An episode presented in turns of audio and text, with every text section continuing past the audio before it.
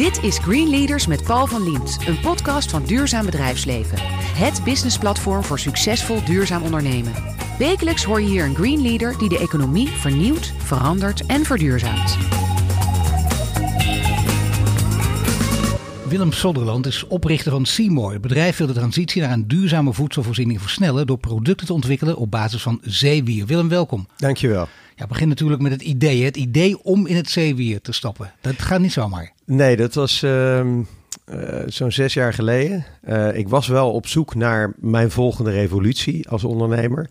Uh, dus ik was wel, ik stond open voor, voor nieuwe dingen. Ja. Ehm, en ik was in een restaurant met mijn gezin op Ibiza. En ik uh, zag op het menu een uh, zeewiersalade staan. Nou, dat uh, vond ik wel exotisch interessant klinken.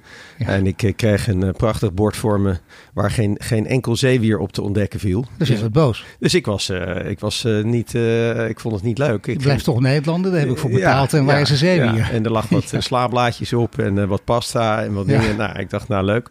En dus ik ging verhaal halen bij de chef. En die, die wees op de, de groene pasta op mijn bord. En die zei, ja maar meneer, dat is, dat is het zeewier. Zo, zo groeit dat aan de rotsen.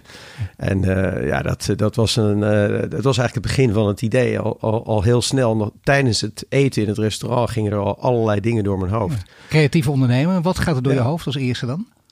Um, Geld of groen? Nee, eigenlijk de logica van een, een vondst. Eh, gewoon de excitement van een vondst. Dat je ja. iets hebt gevonden wat misschien zou kunnen kloppen. Wat iets uh, kan veranderen. Wat, wat, wat, uh, wat iets kan verbeteren. En, en dat ging door mijn hoofd. Het is toch, het is bijna te mooi om waar te zijn. Ik bedoel, het is geweldig. Dat, dat wil je ook. Dit is gewoon echt zo'n zo'n aha-moment ook, letterlijk. Alleen, ja, absoluut. Je kunt ook wel zeggen, je wist verder nog helemaal niets dus van zeewier. Ik, nou ja, ik wist helemaal niks van zeewier. ik was weliswaar een, een ervaren ondernemer.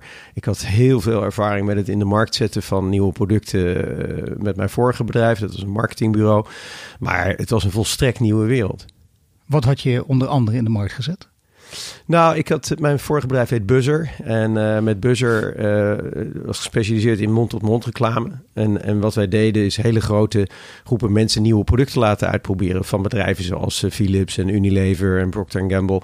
En, en zij verspreiden dan vervolgens het verhaal over die producten. Dus daar had ik heel veel ervaring mee. Ja, dat is trouwens heel handig, denk ik, ook in dit verhaal. Het is belangrijk hè, dat je weet, het gaat om verhalen vertellen. Ja. Dit is overigens een heel mooi verhaal. Het is ook zo, zo is het allemaal begonnen. Ja. Langzaam heb je erin verdiept en, en, en denk je misschien, nou, iedereen moet aan het zeewier. Of laten we massaal zeewier gaan eten, want dat helpt ons ook nog vooruit. Dat, is een beetje de boodschap. Maar waarom eigenlijk? Nou, uh, wat, wat, wat stapje voor stapje bij mij ook duidelijk werd toen ik onderzoek ging doen, is het eerste stuk ging allemaal over gezondheid. En dat wist ik al wel een klein beetje. Dus ik wist dat het iets, iets heel gezonds was, een soort superfood.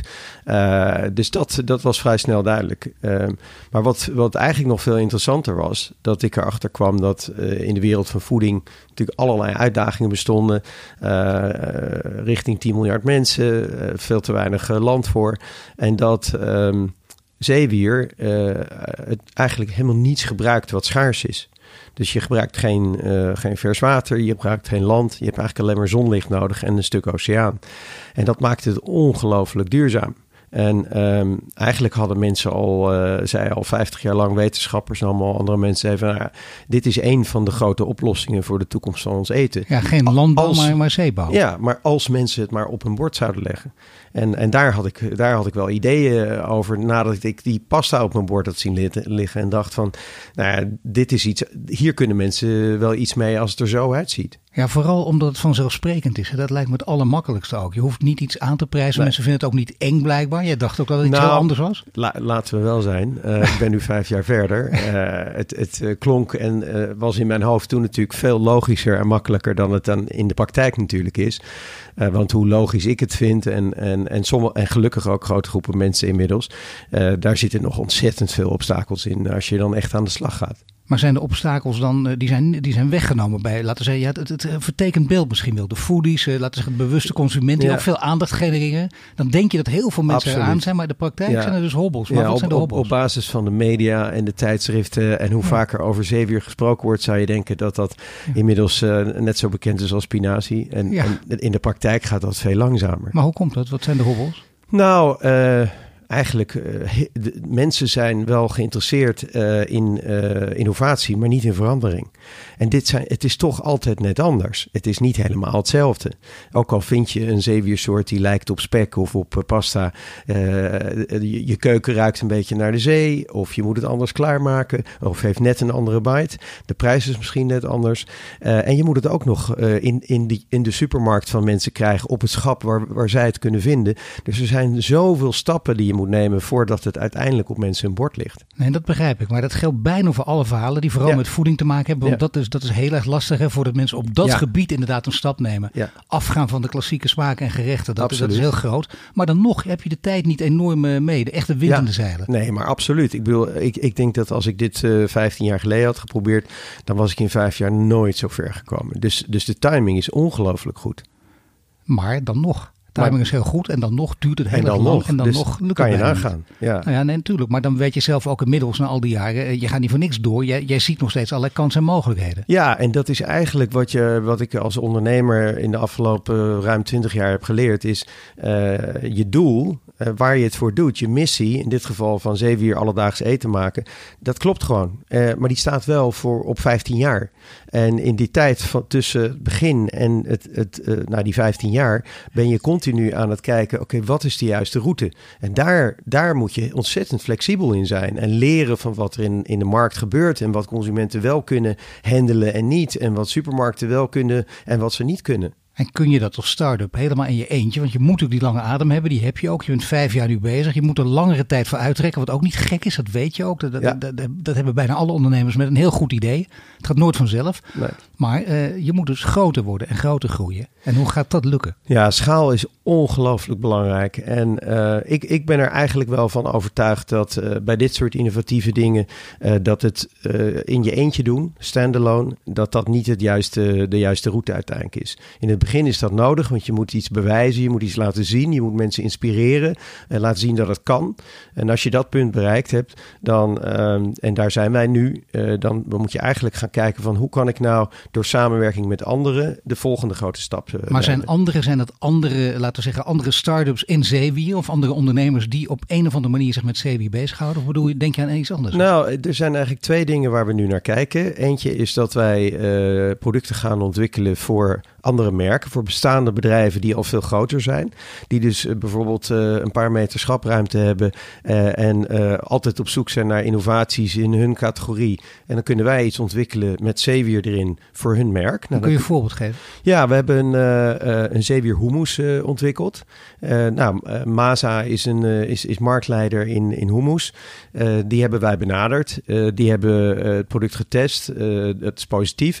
En nou is alleen de grote hobbel, durven zij het aan om samen met een, een, eh, een, een scale-up uh, samen een product op het schap te Maar je zou bijna zeggen, jij met je marketingachtergrond, ik heb het niet, maar als ik dit hoor, dan denk ik, ja, dit is een logische combinatie. Dat, dat, vind ik ook. Uh, dat vind ik ook. En, en ik, ja, ik, ik, ik, ik geloof ook dat, zij zijn er ook enthousiast over, maar die stap zetten, daar, daar gaat nog wel wat tijd overheen. Dus dat, dat is één route. De tweede route, die gaat eigenlijk nog wat verder. En dat is uh, door met andere start-ups en scale-ups gaan samenwerken die ook met uh, oplossingen in, in de plantaardige voeding uh, bezig zijn. Of ze dan bezig zijn met, uh, met, met paddenstoelen of met bonen. Hè, er zijn allerlei oplossingen. En ik geloof dat het een heel goed idee zou zijn om een aantal van dat soort bedrijven bij elkaar te brengen. En onder een nieuwe paraplu een veel grotere schaal te geven, meer slagkracht te geven, meer zichtbaarheid in de winkels te geven. met diezelfde mi missie om richting een meer plantaardige voeding te gaan. Je zou zeggen, ook dat past ook weer in deze tijd, in de deeleconomie. Alleen als puntje bij paaltje komt, dan denkt ja. misschien een grote speler. We gaan met z'n tienen in zee. Maar dan denkt de grootste van de tien, ja wacht even, ik kan het in mijn eentje. Ik moet het toch met jullie ja. delen, zonder van de wind straks. Ja, dat zijn, eh, ik, ik ben net in dat pad gestart. Ik ben gesprekken aan het voeren. En sommige mensen zijn meteen enthousiast. En andere, ja, daar spelen andere zaken mee. Dat kan ego zijn. Het kan uh, zijn dat ze denken van, nou, ik, ik heb een betere oplossing. Of uh, ik vind het te veel hassle met Gezond alle... wantrouwen en achterdocht nou, ook. Kan hè? Want, kan natuurlijk, je, moet, je moet dat, dat soort weer hobbels die je weg moet nemen. Uh, dan heeft het ook te maken met je achtergrond. Dan kun je elkaar een beetje screenen. Dan kun je denken, wat is voor ons allebei de winst? En als je dat allebei ziet, dan lukt het vanzelf. Van al die partijen die je benadert. Hoeveel denk je dat je, dat je dat je gezamenlijk aan het zeewier kunt krijgen? Nou, dit is dan niet alleen zeewier. Hè? Dus ik ben juist ook aan het kijken van nou, hoe kan je nou verschillende oplossingen die er zijn bij elkaar brengen. Ehm, nou, ik denk dat er veel van de, van de scale-ups in de foodwereld geïnteresseerd zullen zijn om het gesprek aan te gaan. Om te kijken of je kan samenwerken echt het aandurven onder één vlag uh, om te fuseren en daar een, een, groter bedrijf van te maken. Ik denk dat het uiteindelijk een klein groepje mensen is die dat, waarbij het kan, waarbij ze het willen, waarbij de klik is, uh, waarbij je alle, alle obstakels uit de weg kan ruimen. Dus dat, dat wordt een, uh, een mooie zoektocht. Je kunt ook in je zoektocht kijken naar wat anderen gepresteerd hebben, anderen die succesvol zijn geweest en misschien het kunstje kopiëren en dan natuurlijk naar je eigen hand zetten. bijvoorbeeld de vegetarische slager, ja. die uiteindelijk na heel lang werken en knokken uh, zichzelf op de kaart heeft gezet. En uiteindelijk uh, inderdaad groter moest groeien. En dus door Unilever het overgekocht. En dat gaat ook niet slecht. Nee, alleen uh, vegetarische slager werd overgenomen toen het al echt schaal had bereikt. En uh, er zijn heel veel bedrijven die zitten in de fase daarvoor.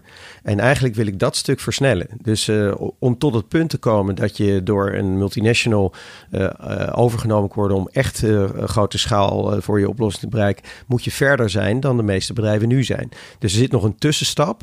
En het gaat eigenlijk om die tussenstap zetten. En die tussenstap kan misschien sneller gaan, denk ik, als je zeewier als inderdaad het gouden product van de toekomst ziet. Hè? Want het is niet, we hebben het nu steeds over voedsel. En jij zegt met andere bedrijven in zee gaan om te kijken hoe we daar iets mee kunnen doen. Maar ja, eh, er worden ook allerlei eh, dingen gezegd over zeewier. Je kunt er ook eh, met energie en biobrandstof wat mee doen. Je kunt er ook plastics van maken. Je kunt er alle kanten mee op. Het lijkt een soort wondermiddel.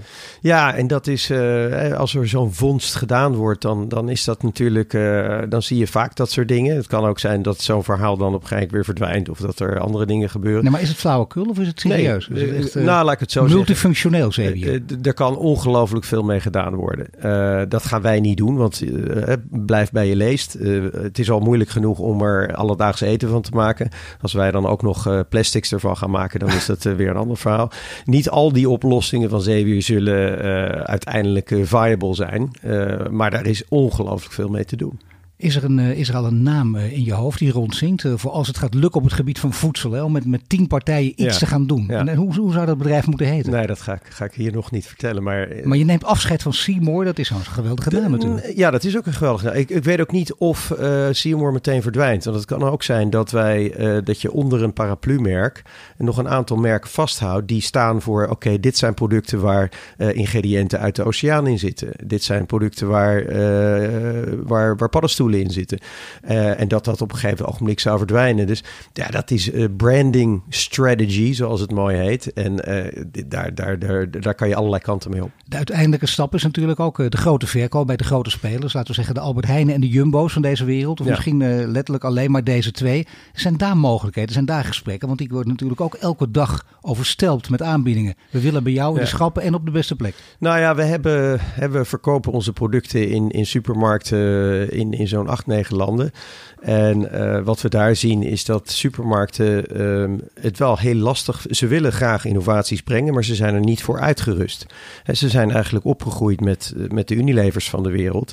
en weten heel goed hoe ze met hen moeten samenwerken. Maar met kleinere bedrijfjes die kleinere marketingbudgetten hebben... Uh, en innovatievere producten... vinden ze veel moeilijker om het pad naar de consument te, te vinden. Maar is het je toch gelukt om in deze grote supermarkten binnen te dringen of nog niet? Ja, kijk, wij, wij, wij, hadden, hebben als eerste uh, zeewierproducten in gewone supermarkten weten te krijgen in verschillende landen. Maar ook dat gaat wel met, met vallen en opstaan. Uh, om een voorbeeld te geven, uh, op een gegeven moment ging onze zeewier spek ging hard lopen. en toen kregen we steeds meer klanten.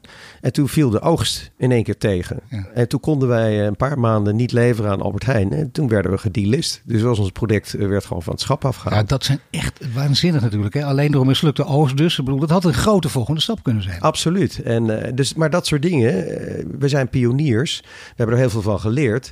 Uh, maar dat laat wel zien dat de wereld van retail is, is, is keihard. En dat is niet makkelijk voor food-innovaties. Je hoort Willem Sonderland van Seymour. Zojuist vertelde hij wat zee weer in de toekomst nog meer teweeg kan brengen. Zometeen gaan we het hebben over zijn persoonlijke achtergrond.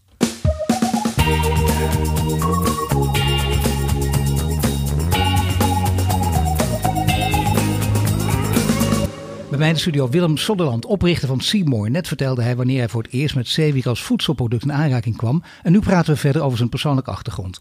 Want ja, ooit, uh, de, de jonge Willem, die, die wil iets worden in het leven. En, en die heeft dan op een gegeven moment misschien wel een beroepsperspectief. Of een studie die hij wil gaan volgen. Of hij wil eerst een heel wild leven leiden. Hoe is het bij jou gegaan? Uh, Rotterdam. Uh, geweldige jeugd gehad. Uh, ik ben rechten gaan studeren. Um, ben daar niet uiteindelijk iets mee gaan doen. Rechten doe je ook vaak omdat je denkt, daar kan ik alle kanten mee op. Het was voor jou ook ja, die reden. Nou, ik vond het, uh, ik hield van de logica. En uh, zo kijk ik ook uh, als ondernemer naar, naar of het nou zeewier is of dingen die ik daarvoor heb gedaan. En dus dat zat er al vroeg in. En ik vond de logica van uh, de wetten en de argumenten en de eigenlijk ook verhalen die je creëert als, als je met rechten bezig bent, dat sprak me aan. dus dat, dat was wat ik ben gaan doen. En ik ben daarna ben ik strategy consultant geworden bij een, grote club. leerde daar, terwijl ik recht had gestudeerd. Dat heet de Monitor Company. En uh, daar uh, kon ik mezelf bijspijkeren op hoe, hoe, bedrijven werkten. Nou, dat waren allemaal hele grote bedrijven. Maar hoe maak je dit soort stappen? Ik bedoel, want had je nooit in je hoofd, ik wil brandweerman worden of politieman of, of straf, strafrechtadvocaat tijdens je studie, ik noem maar wat? Nou, ik, waar ik altijd mee bezig was, was nieuw. Uh, dus uh, strategy consultancy was nieuw voor mij. Uh, ik had tijdens mijn studie dingen gedaan die nieuw waren, opgericht. En, en, en toen ik vervolgens ging ondernemen, was dat ook omdat ik zag van, hey, ik wil, ik wil, ik heb de, de drive om nieuwe dingen te doen. En als consultant kon ik dat te weinig, want die grote bedrijven die luisterden wel, maar ja, ik had geen invloed op ze. Toen dacht ik op moment, ja, dit gaat mij te langzaam. Ik, ik, wil, ik wil vernieuwing zelf gaan brengen. Totaal andere karaktertypes ook. Hè? De consultant en de ondernemer. Dan moet je echt heel anders in elkaar zitten. Ja, ik heb een gigantische omzwaai moeten maken uh, in, in de denken. Maar goed, dat zat er wel al in. Uh, al, al heel vroeg. Dus het was niet iets wat ik uh, bij mezelf moest veranderen, maar het, ik moest een soort juk van mezelf afgooien. Hè, om te denken als consultant in analyses uh, in plaats van in dingen ja. doen en kijken wat ja. ze opleveren. Nu we het toch over analyses hebben op een andere manier. welke rol spelen, spelen je ouders? Je gaat hier niet op de, op de, op de Freudbank liggen hoor, maar gewoon even toch kijken wat de achtergrond is. Nou, um, mijn, uh, mijn vader is, uh, is advocaat uh, en heel, op, heel internationaal. Dus die heeft over de hele wereld heeft hij, gereisd voor zijn kantoor. En ik denk dat dat bijvoorbeeld mijn beeld van een globale wereld, hè, dat, dat je niet alleen maar met Nederland bezig bent, maar met de hele wereld bezig bent. Ik denk dat dat daar absoluut invloed heeft gehad. Hij was ja, altijd aan het reizen.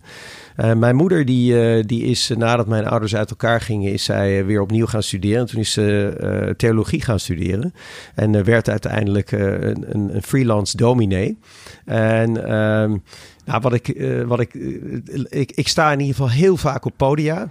dat is niet een kansel, maar dat, dat heeft er wel mee te maken. En, en ik ben, word ook gezien als een evangelist. Dus wellicht dat dat ook daar inspiratie heeft. Nou, het goede is, kijkt, kijkt er vrolijk bij. Bovendien, ja, zoon van, van een advocaat en een dominee, daar kunnen we uren over praten. De beste grap ook over maken, die maak je zelf waarschijnlijk. ja. Maar uiteindelijk kom je toch bij het eten terecht. En heeft dat ook met familie of met kennissen te maken? Ja, toen mijn, toen mijn ouders uit elkaar gingen, ging mijn moeder dus op zaterdag ging ze uh, naar college in Utrecht voor theologie. En had ze aan mij, mijn zus en mijn broertje gevraagd of wij dan op zaterdag wilden koken. Dus het koken begon op uh, 13-jarige leeftijd. En, en ik had een tante die, die kok was. En, dus ik was heel erg geïnteresseerd in eten. Dus dat is, dat is altijd zo geweest. Ja, dat is een hele logische verklaring eigenlijk. Ik ja. zie dat hier toch allerlei genetische aspecten een, een, grote rol spelen. Wat je uiteindelijk gedaan ja, hebt. Dat ja, is, kunnen we gewoon niet omheen. Uh, uiteindelijk ben je ook gelovig of niet? Uh, door, nee. of, of, juist helemaal van het geloof afgeraakt? Nee, ik ben niet. Ik ben, uh, ik ben een atheïst. ik vond heel interessant wat, wij, wat mijn moeder deed. Maar, maar Ze heeft je niet proberen te bekeren? Nee. Nee. nee. maar dat zou ook nog wat daarboven halen natuurlijk. Nee, maar ze kende me. Dus ze wist dat dat... Uh... Eigenwijs genoeg en dat, dat, dat, lukt gewoon niet. Nee, dat gaat niet gebeuren. Het, het, het, voorbeeld van je vader volgen, advocaat, dat is natuurlijk ook een mooi beroep. En uh, dan ook nog eens de wereld bereizen. Dan denk je, uh, ja, je kunt je afzetten in je jeugd. Je kan ook denken, nou, dat trek ik maar op. Um, ik heb stage gelopen bij een advocatenkantoor. superleuke omgeving. Maar wat ik wel merkte was dat advocaten en de manier van denken... ze kunnen overal gaten inschieten. Ze kunnen fantastische argumenten bedenken. Ze, kunnen in allerlei dingen een opbouwende rol spelen. Maar het is wel iets heel anders dan creëren. En ik merkte gewoon dat dat, dat mijn grote drive is om dingen te creëren die er ervoor niet waren. Daarom hou ik ook van fotografie, van koken. Bij koken doe je precies hetzelfde. Er is eerst niks en dan is er iets, nou, hopelijk fantastisch. Maar er is in ieder geval iets wat er daarvoor niet was. Ja, dat is iets heel anders inderdaad, een advocaat. En bovendien ja. durf je ook en kun je doorzetten, ben je ondernemer en win je ook een prijs. En dan moet ik even citeren. In 2015, hè, Seymour werd uitgeroepen tot de meest innovatieve food startup. En naar aanleiding daarvan zei het volgende. Alle fouten die ik eens gemaakt heb als ondernemer, die heb ik ook gemaakt. Wat zijn die fouten? Uh, het lijkt een hele litanie en een opsomming dan ook, hè? Nou, het zijn er zoveel, maar laat ik, laat ik even de allerbelangrijkste eh, benoemen. Uh, het, het onderschatten uh, wat er nodig is om veranderingen teweeg te brengen. Uh, het, het, uh, de wishful thinking die je doet om te denken: nee, maar iedereen gaat dit logisch vinden. Iedereen gaat zien dat dit de oplossing is. En, en dat betekent dat je dus onderschat wat er allemaal nodig is om tot een bepaald punt te komen. en dan moet je die energie en de tijd moet je uit je tenen halen. Je moet zorgen dat je alsnog financiering voor langere periodes krijgt. Dus hè, de onderschatting van wat er nodig is om verandering tot stand te brengen is op een bepaalde manier een fout. En aan de andere kant, als je uh, dingen allemaal op de juiste waarde zou schat, zou je er waarschijnlijk nooit aan gaan beginnen. Nee, hoewel heel veel ondernemers uh, dan niet kunnen doorzetten of dit verhaal vaak niet verteld hebben. We horen graag het succesvolle verhaal alleen, ja. maar de, de echte ondernemers zou ik bijna zeggen durven dat ook te vertellen. En die zeggen ook, je ligt ook dagen naar plafond te staan. Ja. Je denkt toch soms, ik, ik, ik ben gek dat ik dit doe. Was ik dus nou een advocaat geworden in jouw geval? Ja. Dat is wel heel erg. Nee, maar dat zelfs nou, dat ja, kun je nagaan. Ik, ik geef graag toe dat dat soort gedachten bij mij ook af en toe komen. Zelfs dat, uh, toch niet, dominee ga ik nu te ver. Dat je dacht, ik had ook nog dominee willen worden. Nee, nee, nee maar dat, dat, dat, was net iets te ver. Een gepasseerd station ook, ja. voor altijd. Nee, ja. Maar ja, het betekent dus wel als je, als je, dat, dat je die vechtersmentaliteit moet hebben. Dat je uiteindelijk toch altijd je weer omhoog kunt, je kunt alleen maar omhoog klimmen als reddingsboeien zijn. En dat, je had het al over financiering. Wat, wat zijn jouw financiers op dit moment? Nou, ik heb een groep van uh, informele investeerders. Uh, en die zijn, uh, dat zijn ook mensen die, die ik los van dat ze financiering hebben, die ik ook raadpleeg over allerlei onderwerpen, die ook mentaal steun kunnen verlenen als ik er doorheen zit. dus als je. Dat, is al, dat heb je al nodig gehad ook, of niet? Ja, vaak genoeg. Uh, niet alleen bij, van, vanuit mijn investeerders, maar ook vanuit uh, mijn vrouw, vanuit mijn kinderen, uh, vanuit een hele grote groep ondernemers die, die ik ken vanuit de Entrepreneurs Organization, die elkaar allemaal steunen en helpen om betere ondernemers te worden. Uh, uh, ik denk dat dat een van de slimste dingen is uh, die ik heb gedaan. Dat ik, dat ik onderdeel van een netwerk ben geworden. waar je dat soort support Maar hebt. ook mentaal steunen. Ik, ik vind het inderdaad heel slim. Omdat misschien goed om dat ook extra te benadrukken. Omdat veel ondernemers dat juist niet doen vanuit. Dat zie je in veel beroepsgroepen ook toch een beetje de stoere houding van ik heb dat niet nodig pijn aan mijn knie, dat snap ik nog wel. Ja. Of ik ben mijn stem kwijtgeraakt, zoals ik gisteren. Maar hij doet het weer, zoals je hoort, een beetje.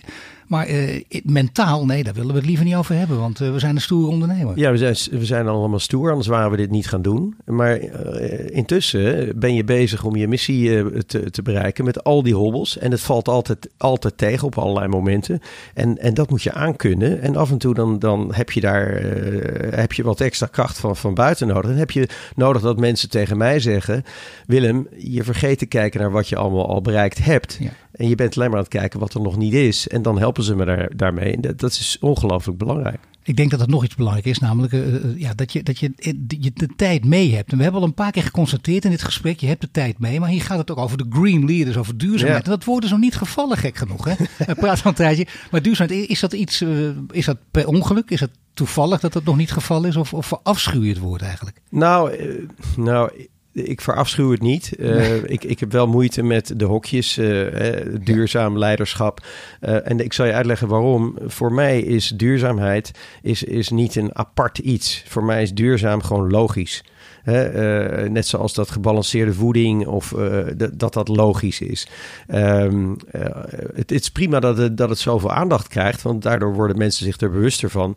Maar voor mij is het, het, het feit dat je iets niet waste, dat je op zoek gaat naar dingen die onze planeet niet kapot maken, is niet een soort apart nieuw ding wat we onszelf moeten aannemen. Dat is gewoon logisch. Maar ik denk dat je gelijk hebt, hè? Dat, uh, dat dit ook al inderdaad langzamerhand vanzelfsprekend begint te worden. Maar ook hier misschien wishful thinking, omdat dat is voor jou, voor mij zo, maar ik merk ook om me heen. Dat is voor nog steeds voor heel veel mensen niet het geval. Alleen, alleen de, de jongeren, de echte jonge generatie, mijn kinderen, daar is de vanzelfsprekendheid echt die, die, die hebben dat uh, als, nee, niet allemaal natuurlijk, maar die krijgen van hun ouders, van, uh, krijgen ze dat mee. En spreken hun ouders er ook op aan. En spreken. Willen hun ouders dan graag ook als rolmodel exact, zien. ja. Nou ja, dat kan inderdaad gewoon bijna de sleutel zijn tot succes, ook op dit gebied. Alleen uh, ja, de, de, de, jongeren worden ook ouder, kijken wat daarvan komt. Maar voorlopig is het inderdaad een grote kracht. Hè? Dat is niet een kleine groep, nee, uh, een kleine nee, groep uh, daar denkende gymnasiastjes. Ze zijn met z'n nee, allen. En, en die, zijn niet, die denken niet een klein beetje anders, die denken radicaal anders. En het verklaart ook precies waarom verandering tijd kost. Omdat er een generatie overheen moet gaan die anders, anders denkt. Merk jij dat nu aan je eigen kinderen ook al? Van, we zorgen dat ik wel op deze koers blijf, want anders houden zij mij in ieder geval ieder geval koersvast?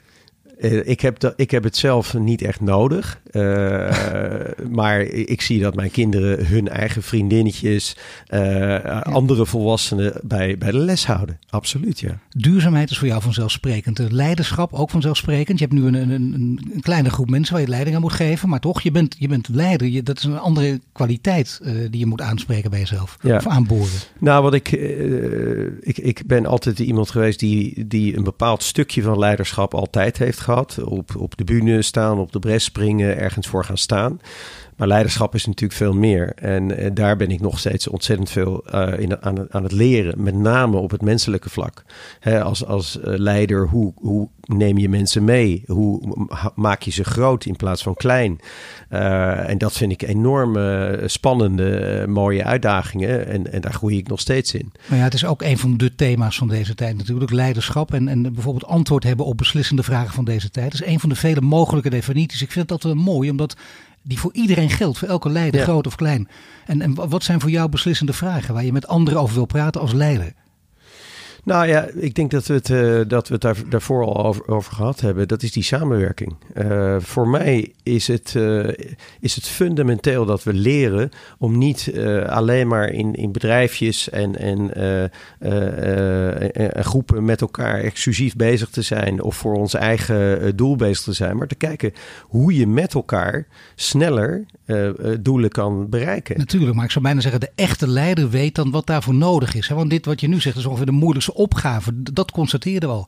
Maar hoe kun je dat doorbreken als echte leider? Wat, wat, voor, wat voor handvat moet je, nou, moet je hebben? Ik geloof dat uiteindelijk het allerkrachtigste is dat je is toch de, de, de verhalen. Uh, de, de schrijver Harari die, die, die, die haalt dat ook aan. Die zegt in deze tijd zijn verhalen nog belangrijker dan ooit. Harari die uh, kent bijna iedereen, maar toch voor de duidelijkheid nog eventjes. Hè, twee grote boeken geschreven ja. natuurlijk. En straks neemt AI alles van ons over. Wij mensen zijn niet meer nodig om maar eens een paar van zijn 21e ja. eeuwse lessen te ja. noemen. Zoals een boek ook heet. Ja, en hij zegt, uh, en daar geloof ik heilig in Verhalen zijn datgene wat de mensheid overeind gaan houden.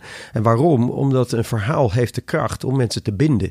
En dus als ik op pad ben nu en ik praat met, met andere food scale-ups of met grotere bedrijven, dan is, zijn de verhalen uh, waar gaan we naartoe? Wat is mogelijk? Hoe maken we van de oceaan onze boerderij, zodat we dat land minder nodig hebben voor ons eten? Dat zijn verhalen die mensen pakken, die ze aanspreken. En die kunnen mensen binden. En een verhaal over geld of over belangen of aandelen, uh, weet je, tuurlijk interesseert dat mensen op een bepaald niveau. Maar, dat, maar, maar uiteindelijk breng je daar mensen niet mee in beweging. Nee, het gaat om storytelling. Ja. Dat, is, dat is waar, ja. En ik denk dat, uh, dat, dat zeggen veel mensen nu ook. Nee, je moet wel kunnen. Je hebt wel bewezen, denk ik, afgelopen jaren dat daar een van jouw sterke punten, dat een van je sterke punten is dat jij kracht ook ligt. Ja, en, en ik zie dus ook nu als ik in contact ben met, met andere ondernemers, er zijn ook stukken waar ik minder goed in ben. Uh, ik, ik ben minder gericht op, uh, oké, hoe kan ik vandaag uh, heel veel verkopen van dat product. Ik ben altijd net iets te veel met mijn hoofd in de toekomst. Dus ik moet op sommige stukken moet ik mensen vinden die mij juist aanvullen. Maar als het gaat om, om die storytelling kant, hè, de, de, de visionaire regisseur, daar, dat is mijn kracht. Nou, heeft ook, uh, ja, durft ook jezelf gewoon te benoemen. Ook je zwakke en je sterke punten. Ook uh, visionair dus. En, en, een echte verhalen vertellen. Je hoort Willem Sodderland. En zojuist spraken we over zijn achtergrond. Over zijn drijfveren. En nu praten we verder over de transitie naar een duurzame voedselvoorziening.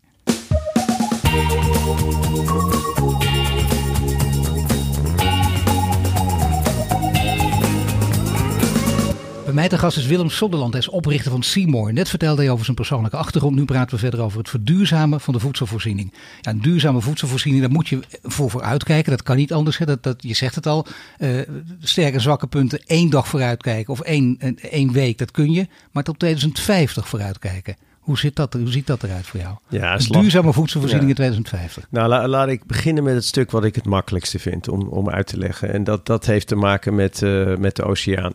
Uh, we halen op dit moment uh, eh, 2% van ons eten uit, uit de oceaan. en die vertegenwoordigt 71% van de planeet. Ja, dat kan natuurlijk niet uit.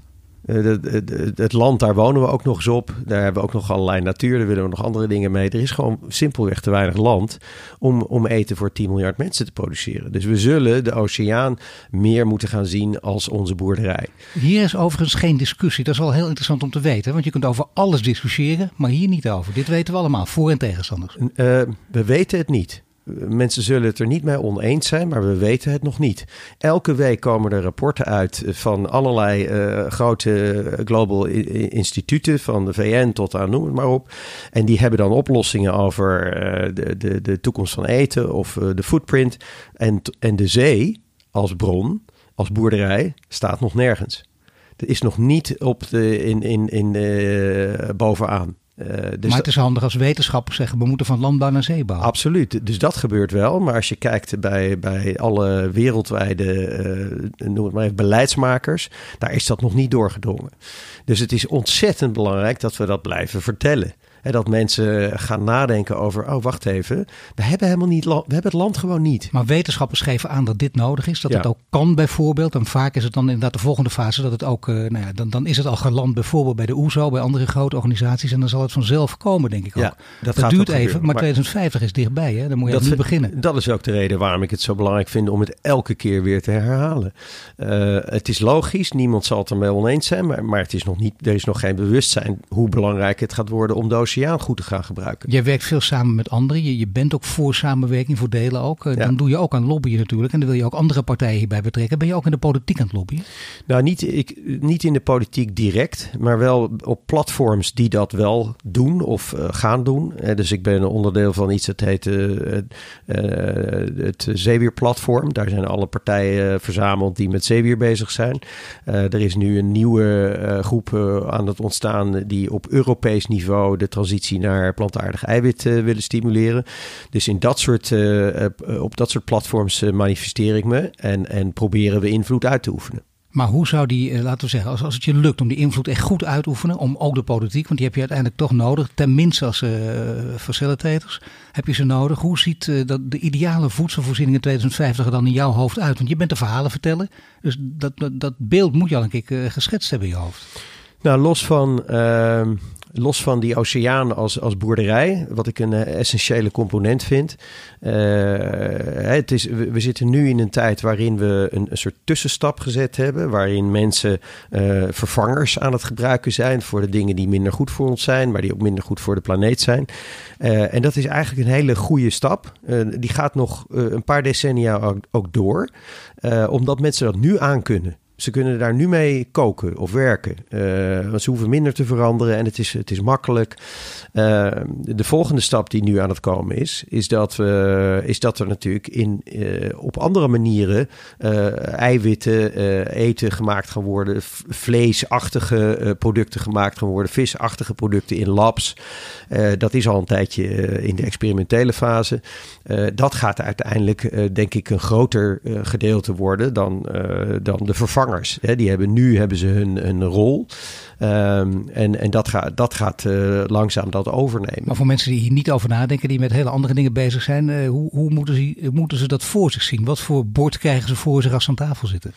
Nou, het, het grappige is dat uh, we zijn gewoon steeds creatiever aan het worden. Dus het is niet zo dat alles straks uit een soort rare spacefabriek komt, wat, wat in een, een, grijze zakje zit, zoals je in, in, in slechte films wel eens ziet, waar, waar je een apparaatje hebt met bliep bliep en er komt een dingetje uit. Nee, we zijn, we zijn hele nieuwe manieren aan het bedenken om eten te creëren. En, en die zijn helemaal niet onnatuurlijk. Nou, maar er is zoveel gebeurd. Ik bedoel, het moleculaire koken is natuurlijk ook op een gegeven moment ontwikkeld. Laten we zeggen, ik zeg het nu eventjes heel oneerbiedig, maar uh, het schuimpjes koken. En toen zagen mensen hele bergen schuim op een bord liggen. En, en, dat was prachtig. En de foodies vonden het geweldig. Maar bij grote groepen uh, vond het geen weerklank, want ja, ze herkenden de smaak niet. Nee, en, en, en het was te spannend en te gek. En, en maar het grappige is dat door dat moleculaire koken zijn allerlei mensen weer op andere sporen gekomen. Waarbij bijvoorbeeld nu bedrijven in hele grote ketels laten ze een aantal bacteriën of een aantal schimmels laten ze een, iets doen. En de volgende ochtend ga je er naartoe. En heb je een paar ton uh, eiwitten dat een prima smaak heeft en dat je kan verwerken tot producten. Ja, ik denk dat je hier dus gewoon alle partijen bij elkaar kunt krijgen. Want uh, laten we even, het gaat over voedsel, dus uh, laten we daar even bij houden. Dan hoor je van alle sterrenkoks, dat vind ik altijd mooi. Dat hoor je namelijk ook van de jonge koks van 5, 26. Die zeggen, wat er ook gebeurt, de Franse keuken is de basis. En sommigen houden eraan vast, die denken dat er niks kan veranderen. Maar je kunt er het moleculaire koken boven zetten en iets van leren. Daar kun je van leren wat je met zeewier kunt doen, met nieuwe producten. Is dat dan eigenlijk de meest logische stap? De klassieke basis niet verliezen en daar vervolgens allerlei vernieuwingen bovenop plaatsen? Nou, kijk, dat vind ik een heel complexe vraag. Want nou, omdat het dan voor mensen ook makkelijker eh, te begrijpen is. Nou, wat ik, waar ik van overtuigd ben, dat is wat wij als bedrijf ook doen door uh, producten te maken die, die lijken op wat mensen al kennen. Ik geloof dat je, dat je niet in één, je kan mensen niet in één keer naar een volstrekt andere keuken brengen. Uh, je ziet... Maar ook niet naar een volstrekt andere smaak. Je hebt ook allerlei nee, smaakprofessoren natuurlijk die daar heel veel onderzoek naar gedaan hebben. Er is maar één in Nederland trouwens, Peter Klossen. Die zegt het ook altijd. Die klassieke basis is niet voor niets eeuwenlang al klassiek Absoluut. En, en, en, dat is herkenning en dat is comfort en dat is een bepaalde emotie en, en herinneringen. Dus dat, dat moet je ook helemaal niet willen. Wat we wel aan het doen zijn, is dat hoe we tot die smaken komen, uh, dat zijn we aan het veranderen. Uh, daar hebben we een hele andere basis voor. En stapje voor stapje worden ook de smaken worden dan uh, worden net iets anders. He, we zijn nu steeds meer Aziatische smaken aan het toevoegen aan ons palet. En dat is toevallig voor zeewier heel interessant, want in Azië koken ze heel veel met, met, met zeewier, eh, waar umami in zit. Dus dat zijn hele langzame, grote bewegingen. En die veranderen wel iets in onze, in onze voorkeuren. Maar het moet niet te langzaam gaan. Je wil als ondernemer op een gegeven moment ook een hele grote ondernemer worden. De scale-up worden, die grote stap gaan maken. Dat kan door samen te werken. Dat kan ook door dat er af en toe iemand bij je aanklopt en zegt... nou, laten we eens een kopje koffie gaan drinken, Willem. Want uh, goed idee. En dan denk je, oh, wacht even, misschien uh, overname. Dan kan, dan kan de kassa rinkelen. Of je kan denken, met die kassa die rinkelt, kan ik ook mijn uh, tussen groene idee voortzetten. Absoluut, ja. Is het al gebeurd? Hebben ze al bij je aangeklopt? Ja, ik bedoel, we, praten heel regelmatig met uh, middelgrote, grotere bedrijven. Ook de Unilevers van de wereld uh, zitten we af en toe mee aan tafel. Uh, ook vanuit hun initiatief om te kijken van kunnen we samenwerken. Ik moet eerlijk zeggen dat ook, ook dat is iets waarvan je als je naar de media kijkt... zou je denken dat start-ups en, en grote corps al lang aan het samenwerken zijn. Want iedereen heeft het erover. Nou, in de praktijk is dat niet zo. Daar zitten de cultuurverschillen zijn gigantisch de manier van werken, de snelheid, alles is, is, is daar anders. Het gaat wel gebeuren. Maar gaat nog een heleboel tijd overheen. Um, dus wel heel veel hetzelfde is. Hè. Mag ik toch even voor de mensen die nu naar ons luisteren. Deze podcast die heel goed beluisterd wordt. Hè. Potentieel 2 miljoen mensen. Dat uh, onder andere Suits en Hoodies bijvoorbeeld. Het geweldige boek van Quintus Gevanel. Ze gaat over corporates en startups. En hij zegt kijk eens naar al die overeenkomsten. Want er zijn al die verschillen zijn. Maar het veel meer overeenkomsten dan je denkt. Dus nou, dat is toch uh, voor mij een eye-opener. Nou, er, zit, er, zitten ook, uh, er zitten ook overeenkomsten in. in uh, maar, maar waar je tegelijkertijd heel realistisch over moet zijn, is, is als je kijkt naar, naar twee mensen of twee bedrijven, culturen, persoonlijkheden, dat, zijn, dat zijn hele belangrijke dingen die je niet zomaar van tafel haalt. Wat heel grappig is, dat er nu bedrijven ontstaan die de samenwerking tussen corporates en scale-ups juist weer mogelijk maken. Dus daar komen nieuwe mensen tussen die als een soort mediator zorgen dat, dat die partijen met elkaar kunnen gaan samenwerken. Uiteindelijk, als het gaat over samenwerking, gaat het over de grote achterliggende partijen, of beter gezegd de bovenliggende partijen. Dan gaat het over de overheid, dan gaat het over het bedrijfsleven in, in een heel brede zin. En dan gaat het over de kennisinstellingen, de universiteiten. Technologie en absoluut. Ja. Is dat, is, is dat, de samenwerking op dat gebied is natuurlijk gewenst, maar waar moet het vooral van komen? Nou, eigenlijk wel, degelijk op alle fronten. Hè. Eh, als je kijkt naar de kennisinstellingen. Ik, ik, was gisteren bij uh, Wageningen bij het MBA-programma. Daar zijn een aantal MBA'ers zijn nu aan het klussen om een strategie voor Seymour in elkaar te draaien. Maar dat was een andere start-up. En die hebben een nieuwe technologie voor het creëren van, van vlees- en visvervangers gecreëerd. En ik heb meteen de hand uitgestoken en gezegd: Kom, wij gaan binnenkort gaan wij zitten. Dus dat soort dingen, essentieel. Ehm, de, de bedrijven, grotere bedrijven hebben alle middelen om nieuwe oplossingen te helpen schalen. Is super belangrijk. Uh, en de overheid, en, en gelukkig zijn ze dat ook steeds meer aan het doen. De overheid heeft niet alleen een enorme belangrijke rol natuurlijk eh, aan de regelgevende kant, maar zij kunnen ook lead customer zijn van al die oplossingen. Uh, dus wat je nu ziet is dat grote ministeries, als zij een, een, een tender uitbrengen voor de catering, dat ze daar inzetten. Nou, het eten moet niet alleen gezonder worden, meer groente, maar er moet ook aan een bepaald duurzaamheidsprofiel voldoen. En dat zorgt ervoor dat die cateraars naastig op zoek gaan naar, oké, waar halen we die producten vandaan? En daar heeft de overheid, die kan dus een, een, een duw geven in, in de juiste richting. Samenwerking tussen alle partijen gewenst, dat, dat, dat begrijp ik ook. Uh, je zei tussendoor ook dat die MBA's zijn voor jullie bezig. Wat doen ze precies?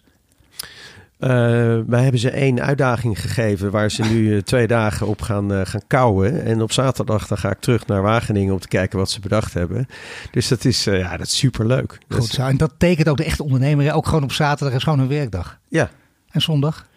Uh, zondag zit ik hopelijk uh, in de buurt van de Oostenrijkse skihellingen om ook even uh, met mijn kinderen wat ontspanning te zoeken. Nou, dat klinkt heel plezierig. Ik dank je voor dit gesprek, Willem Sodderland. Je luistert naar een podcast van Duurzaam Bedrijfsleven, mede mogelijk gemaakt door onze partners Ebbingen en Hill en Nolten. Volgende week zijn we terug met een nieuwe Green Leader. Dit was de Green Leaders podcast voor deze week. Volg onze website voor meer nieuws over succesvol duurzaam ondernemen. Wil je meer afleveringen luisteren? Abonneer je dan nu via iTunes of Spotify en krijg een melding wanneer er een nieuwe podcast online staat.